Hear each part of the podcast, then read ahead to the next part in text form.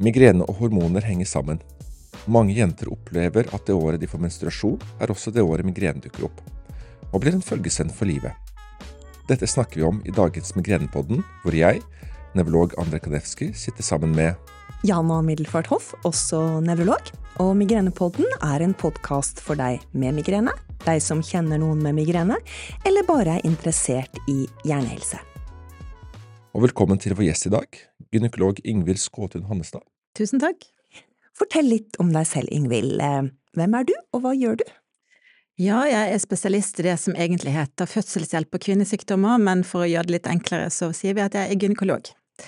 Og jeg jobber i en praksis der jeg tar imot eh, pasienter etter henvisning fra fastlegene, altså en litt sånn offentlig praksis, avtalepraksis. Der jobber jeg sammen med noen andre gynekologer, så jeg er veldig heldig med at vi er en gruppepraksis, og jeg har flere jeg kan både diskutere ting med og ha det hyggelig sosialt med. Og det betyr også at du ser egentlig kvinner i alle aldre? Jeg ser kvinner i alle aldre, og med i grunnen alle problemstillinger, så det er en veldig sånn generalistpraksis, da. Jeg har ikke ett felt jeg jobber med, men det meste innenfor gynekologien. Mm. Det er jo supert for oss andre. Det er jo sånn at 15% av norske kvinner har ifølge Norsk helseinformatikk migrene. Tallet for menn er rundt 6% Mange av disse kvinnene opplever at migreneplagene påvirkes av menstruasjon, tilførte hormoner som prevensjon og hormontilskudd, for å ikke snakke om graviditet og overgangsalder. Likevel føler nok jeg og Jana at vi nevrologer og gynekologer er litt for lite flinke til å samarbeide med fastlegene for pasientenes beste. Ikke noe vond vilje, vi blir liksom sittende i hver vår ende av kroppen. Hva tenker du om det, Ingvild? Jeg tenker at det er nok alltid en fare med oss med organspesialister at vi ikke alltid kan se det store bildet, så det er bra pasienten har en fastlege, som ofte er en god koordinator og ser totalsituasjonen. Um, så tenker jeg det noen ganger kan være veldig nyttig med direkte kommunikasjon mellom nevrolog og gynekolog, og gjerne med fastlegen inn i bildet. Det er jo ikke alltid like lett å få til, men det kan være nyttig. Møter du i din praksis eh, mange kvinner eh, hvor migrene blir et tema, enten når man skal legge opp behandlingen, eller kanskje behandling for å hjelpe symptomene? Ja, altså jeg får jo henvist en del kvinner som har eh, plager med, med, migrene som de oppfatter er knyttet til enten sin menstruasjonssyklus eller til eh, hormonell prevensjon, for eksempel. Og da er det jo veldig tydelig at det handler om migrene. Det hender jo også at eh, det dukker opp litt mer sånn indirekte. Når vi tar inn nye pasienter, så svarer de alltid på en del sånn generelle helsespørsmål i forkant, og da er det jo en del som krysser av på at de har migrene. Og da blir jo det ofte en del av det vi må ta hensyn til når vi skal legge opp en behandling. Um, noen ganger så vet jeg jo ikke helt hvor sikker den migrenediagnosen kan være. Sant? Noen ganger så sier pasienten at de har migrene, men de har aldri vært hos nevrolog, og de har nå snakket litt med fastlegen om det. Så det er en ting som kan være litt problematisk for meg noen ganger, hvor viktig det er å ta hensyn til det. Så tenker jeg vel at hvis pasienten har migrene med aura, så er det vel kanskje tydeligere at det er det det handler om. Men der har vel kanskje dere noen råd til meg. ja, det tenker jeg. Eh, og det er jo noe av vitsen med denne podkasten, er jo det at vi skal snakke sammen på tvers av fag, tenker jeg. Mm. Er det noe spesielt du tenker pasienter eh, selv bør være oppmerksomme på?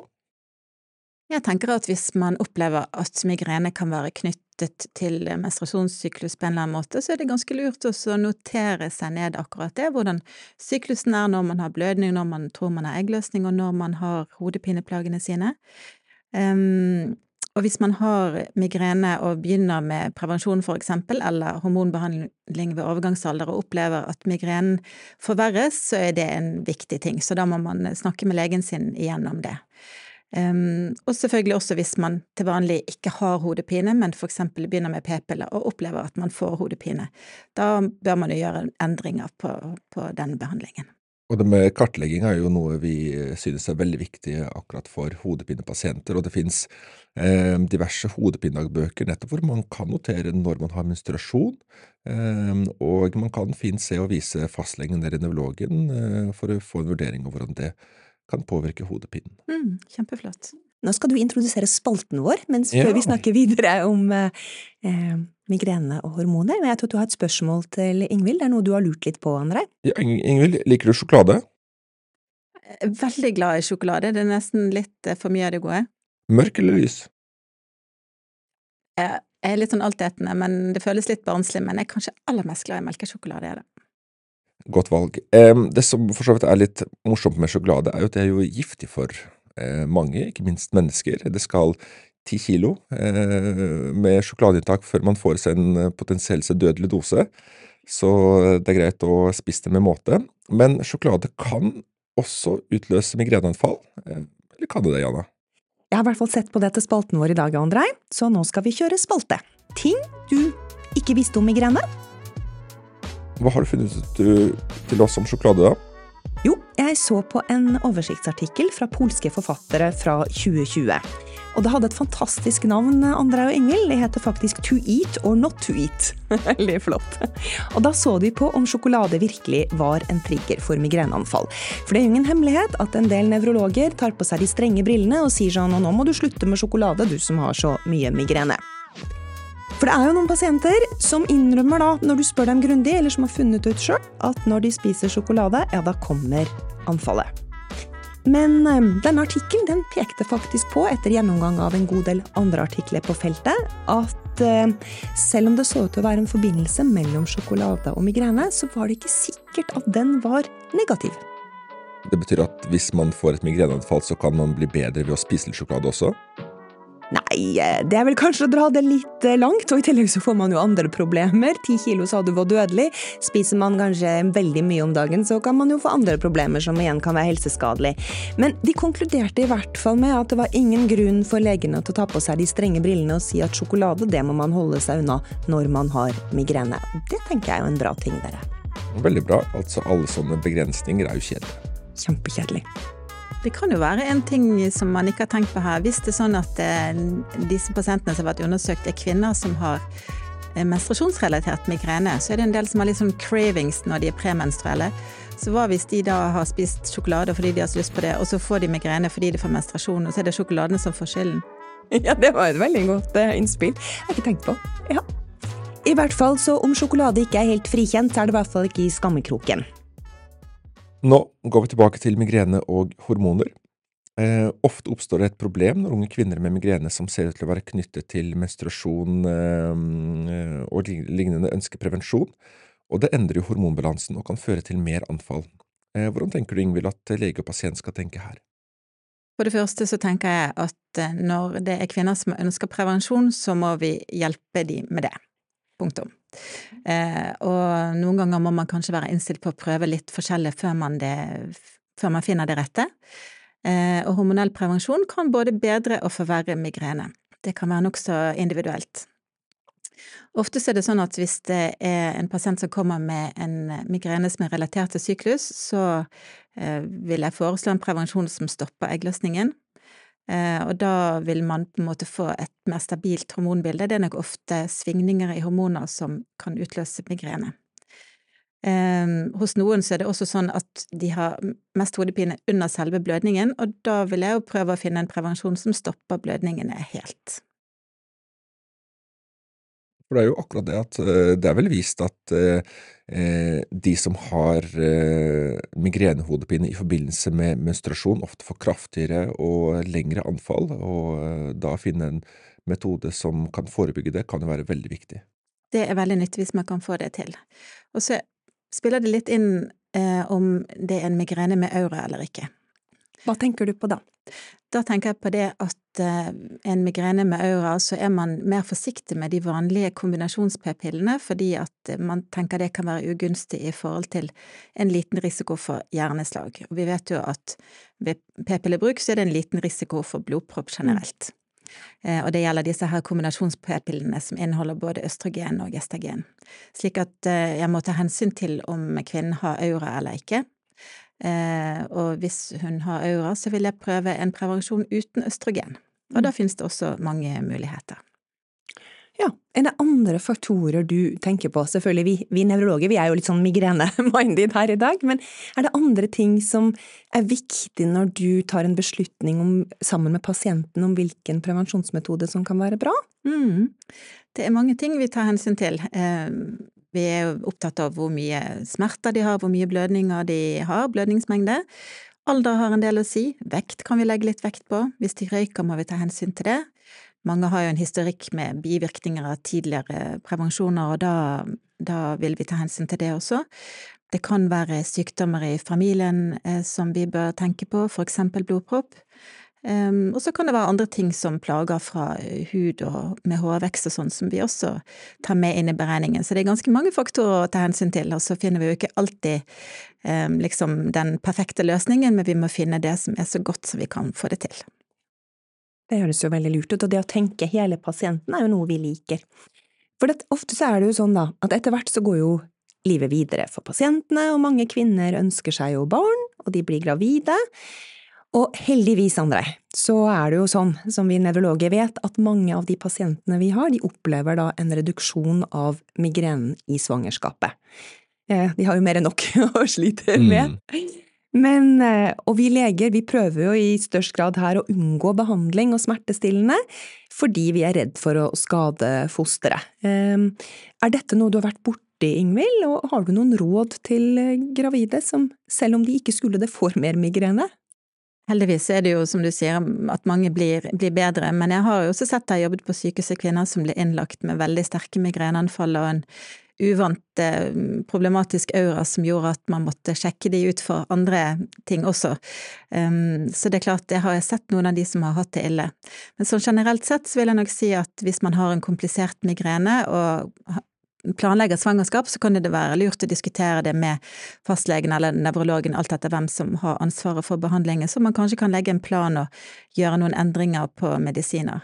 Um, så kan det jo være for de som har mindre plager, nok med litt sånn livsstilsråd, kanskje at man må redusere arbeidsmengde litt, hvis man kan klare å legge til rette for å få nok søvn og avspenningsøvelser og andre sånne livsstilstiltak som dere sikkert eh, mm. tar opp med pasienten uansett, så er det viktig også i denne fasen.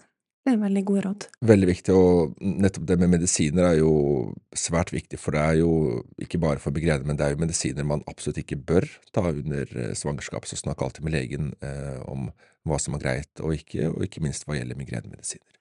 Helt enig, og det som er viktig å få med seg da, er at dette gjelder selvfølgelig i graviditet, men det gjelder jo også i ammefasen etterpå.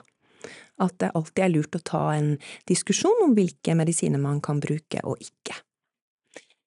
Men eh, nå, André, nå har jeg tenkt å bekjenne litt jeg på vegne av den norske nevrologstanden. Ja, få høre. ja, for jeg tror jo det at vi i mange år har hatt et litt enkelt syn på det med hormoner. Vi har liksom tenkt da at når kvinnene er gjennom menstruasjon, prevensjon og graviditeter, ja, da blir det der med migrenen bedre.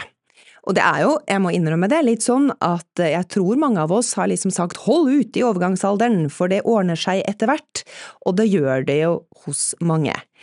Men først så kan det jo bli skikkelig ille, dette her, når kroppen skal reinnstille seg på et annet eh, hormonnivå, for østrogennivåene spiller jo ofte jojo i kroppen, og det tar jo tid. Det er jo ikke sånn som kanskje vi nevrologer trodde at det var et år eller to. Eh, og da hjelper det jo lite å høre at ja, du blir bra om en stund, både av overgangsplagene dine og av migrenen, når den stunden faktisk kan være flere år, og det er jo et liv som skal leves da også. Kan ikke du fortelle litt om det, Ingvild, hva er det egentlig som skjer i overgangsalderen, og hvorfor tar det så lang tid? Jo, jeg skal fortelle litt om det. Det er jo sånn med overgangsalderplager at det som andre ting i livet, det er nokså ujevnt og kanskje kan man si litt urettferdig fordelt. Eh, I Norge så er det sånn at kvinner gjennomsnittlig mister menstruasjonen når de er sånn 52–53 år gamle. Eh, og av de som har en del overgangsalderplager, så kan det kanskje vare rundt eh, syv år. Det er ca. en tredjedel som har såpass mye plager at det går utover livskvaliteten. Det som er felles for alle, er at hormonproduksjonen i eggstokkene begynner å variere mer enn før. Det blir en litt sånn gå sakte-aksjon i eggstokkene. Og dette skjer vanligvis i siste halvdel av 40-årene. Så når hjernen da vår registrerer at østrogennivået faller, så vil den gjøre sitt for å opprettholde det, og sender hormonsignaler til eggstokkene om at de må skjerpe seg, og så lenge eggstokkene klarer å henge med så noenlunde, så kan de da sende ut en ekstra dose østrogener en periode. Og på den måten så vil østrogennivået kunne svinge slik at det både ligger mye lavere enn man er vant med, og så plutselig mye høyere. Og alt dette kan gi en god del ubehag. Og for de fleste blir det menstruasjonene veldig uregelmessige, ofte kraftigere enn før. Og de typiske overgangsalderplagene det er jo da sånt som hetetokter og svettebyer, dårligere nattesøvn, noen får hjertebank, og noen kjenner på litt mer angst og uro, kanskje. Noen kvinner merker ikke disse plagene før menstruasjonen har stoppet helt opp, når man er kommet til det som da heter menopause, mens noen merker det altså disse plagene selv om de fortsatt har blødninger. Så det er ganske, det er ganske forskjellig denne, hvor lenge denne perioden er, og hvordan den arter seg. Ja. Men det er jo tankevekkende det at det er på en måte en, en forperiode, som du beskriver det, og så er det kanskje dette her når, når eh, hormonproduksjonen begynner å stoppe for alvor. Eh, og det på en måte til sammen kan ta en del tid, og at vi kanskje da til, til, pasienter vi møter som sier at nå har jeg det tøft, så må vi ikke si at ja, men det blir bedre om ett år, vi må kanskje ta situasjonen deres da, der og da på alvor. Hva tenker du om det? Jo, det tror jeg er viktig, og jeg tror det er også viktig fordi at det er såpass stor variasjon i hvor plaget man er og hvor lenge det varer, sånn at man kan ikke si at det er bare ett eller to år. Eh, det kan være det, men for noen kan det være mye lenger. Så jeg tror nok at hvis noen er mye plaget, så fortjener de en gjennomgang og se om det er noe fornuftig som kan gjøres med det. Ja. Og da hvis vi tenker på migrene, har du møtt pasienter som egentlig har hatt en migrene som har vært ganske stabil og godt regulert, og så kommer de da enten i førovergangsalderen, som du beskrev, eller i overgangsalderen, og så skjener det helt ut? Mm. Det ser vi noen ganger, og det er nok dette her med at det blir så store svingninger i hormonene at det er ofte disse svingningene som da kan være utløsende for migreneanfall. Så da kan vi gi medisiner for å på en måte stabilisere det bildet, da, hvis det, hvis det er mulig å gjøre det, tatt hensyn til alle de andre tingene som vi eh, er opptatt av også, da. For det er jo sånn at migrene svinger gjennom livet generelt, og så kan det jo da eh, svinge enda litt mer når man eh, nærmer seg eller er i um, overgangsalderen, og det er jo nyttig for pasienter å vite om. Mm -hmm. Har du noen råd til oss, eller uh, nevrologer, Ingvild, eller til pasienten også? Hva skal man gjøre? Ja, jeg tenker vel at uh, hvis dette er noe som, uh, som kvinnen tar opp med dere, så er det akkurat det som vi snakket om nå, å ta dette litt på alvor, og Eh, kanskje de kan få litt hjelp hos fastlegen sin, men i en del situasjoner så er det nyttig med en henvisning til gynekolog. Og da kan jo nevrologen henvise direkte, eller man kan foreslå at fastlegen gjør det. Men å, å sette ned på tanken om at det kanskje kan finnes hjelp å få, tenker jeg kan være veldig bra. Du var jo nettopp en av forfatterne på en artikkel i Aftenposten, eh, hvor dere eh, akkurat snakket om at man bør ha et mer åpent sinn når det gjelder å vurdere behandling til kvinner med sterke plager og i overgangsalderen. Ehm, jeg husker jo fra studiet at eh, da skulle man jo være litt forsiktig, spesielt med sånne tablettilskudd på grunn av at det kunne eh, gi en del sykdommer eh, som kunne være svært alvorlige. Men hvordan er status nå? Hvordan tenker man i dag? Kunnskapen blir jo heldigvis bedre og bedre etter hvert, så det er en del av de tingene som du tenker på der som vi vet mer om nå, og som vi er tryggere på i hvilke situasjoner det er trygt å gi hormoner så er det jo sånn at eh, sånn som vi praktiserer vanligvis i Norge, så brukes hormonbehandling vanligvis eh, når man har plager og redusert livskvalitet på grunn av det. Vi bruker det ikke i forebyggende henseende, men vi hjelper folk med de plagene de har. Er det da over en periode, eller er det på en måte resten av Da er det over en periode vanligvis, ja. Og vi anbefaler vel helst at man begrenser hormonbehandlingen til fem års tid.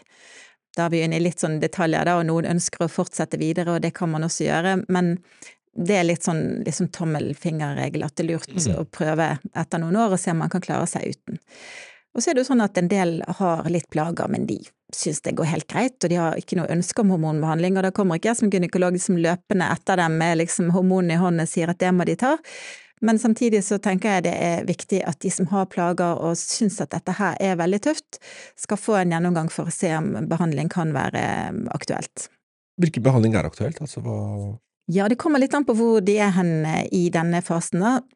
Hvis de fortsatt har blødninger, så må vi ta hensyn til, til, det.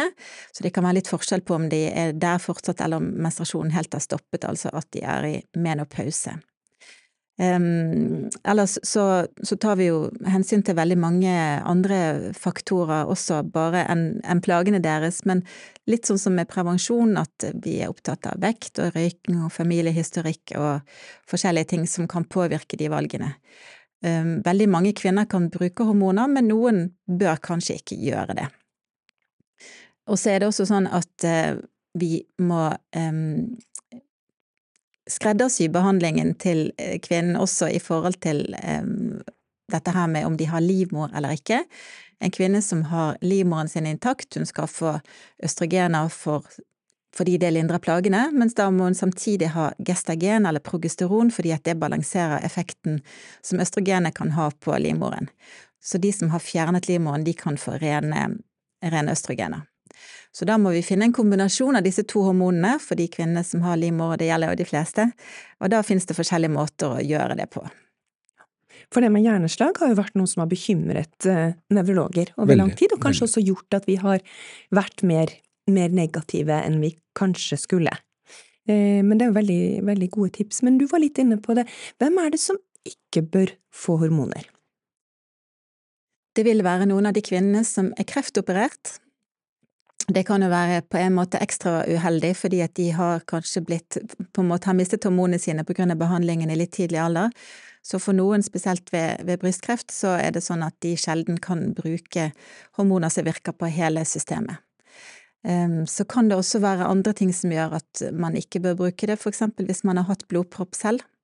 Hvis man har hatt en, eh, en blodpropp i lungen eller hatt et hjerneslag, så kan det også gjøre at man gjerne ikke bør ha. Så blir det en sånn individuell vurdering, og da må man jo tenke på hvor plagsomt er dette her, hvor langt eh, på en måte, hvor mye risiko vil man ta, er det andre faktorer som spiller inn, så her bør vi jo kanskje være flere profesjoner som, eh, flere spesialiteter som diskuterer dette sammen, da. Er det ellers andre råd du tenker på til kvinner i overgangsalderen, for eksempel de som ikke kan få hormoner, eller de som tenker at ja, jeg har det litt ille, men ikke så ille? Ja, da er det jo dette her med fysisk aktivitet som man ikke har noen sånne god dokumentasjon på, men mange opplever at de føler seg litt mer i balanse, og kanskje liksom at termostaten med disse hetetoktene Eh, er litt, litt, mindre på tur. Eh, så det er vel en sånn erfaring som en del gjør seg uten at man har klart å vise det så veldig tydelig. Det kan også se ut til at det er gunstigere å være mer normalvektig enn overvektig. Um, det er jo som en del andre ting. Det er ikke alltid like lett å gjøre noe med, men det er noe som er, som er nevnt på det. Um, og så har jeg lyst til å si en ting som ikke har noe med migrene og hormonbehandling å gjøre, men sånn generelt råd til, til kvinner som har overgangsalderplager. Hvis de ikke kan bruke de behandlingene som virker på hele kroppen, så kan de aller fleste bruke lokal behandling i skjeden som virker i forhold til det som plager mange, som er tørre slimhinner og kanskje smerter ved samleie og urinveisinfeksjoner og sånt. Det er veldig få som ikke kan bruke den lokale behandlingen. Mm. Det syns jeg jo er kjempegodt mm. Eh, råd, André, og det er viktig til de lytterne der ute, at eh, dersom de er selv i den gruppen, eller kjenner noen dette gjelder, så finnes det faktisk hjelp. Og det å ha urinveisinfeksjon stadig, det er jo også utrolig mm. plagsomt, og kan jo være et stress som igjen kan gi migrene videre. Men så syns jeg det er bra at de rådene Yngvild gir, André, de passer jo også til menn i, i sin beste alder. Dette med å være fysisk aktiv, og dette med å ha gode rutiner. Det har vi snakket om. Ja, det, det vi har snakket om, sant? Sånn ja. Så um, dette er, selv om dette er en, en, episode som er mye rettet inn mot uh, kvinner, og så er det jo for det første menn som lever sammen med kvinner, og menn kan jo lære en god del her også. Da har vi lært mye i dag, vi, Andrei. Sånn helt på tampen, Ingvild, er det noe du vil si til lytterne der ute? Er det noen gode råd eller ting du tenker de bør gjøre hvis de ser at migrenen helt klart er knyttet til kroppens uh, hormonelle svingninger? Da tenker jeg at jeg ville tatt opp med legen min, og det finnes hjelp å få. Og ikke gi opp for tidlig, selv om man har brukt kanskje prevensjon før som ga økte plager, så kan det finnes andre muligheter som man ikke har testet ut. Da takker vi deg, Ingvild, for at du eh, stilte hos oss i dag. Tusen takk for at jeg fikk komme. Og hvis du som lytter lurer på noe mer, eh, vil vite noe, så er et fint sted å sjekke ut migreneskolen.no, eller på Facebook. Eh, og der får du lære mer om migrene, høre andres erfaringer om livet med migrene, og kanskje også få noen verktøy som du kan ta med deg videre i livet. Informasjonen som gis i podkasten er av generell karakter og kan ikke erstatte legebesøk.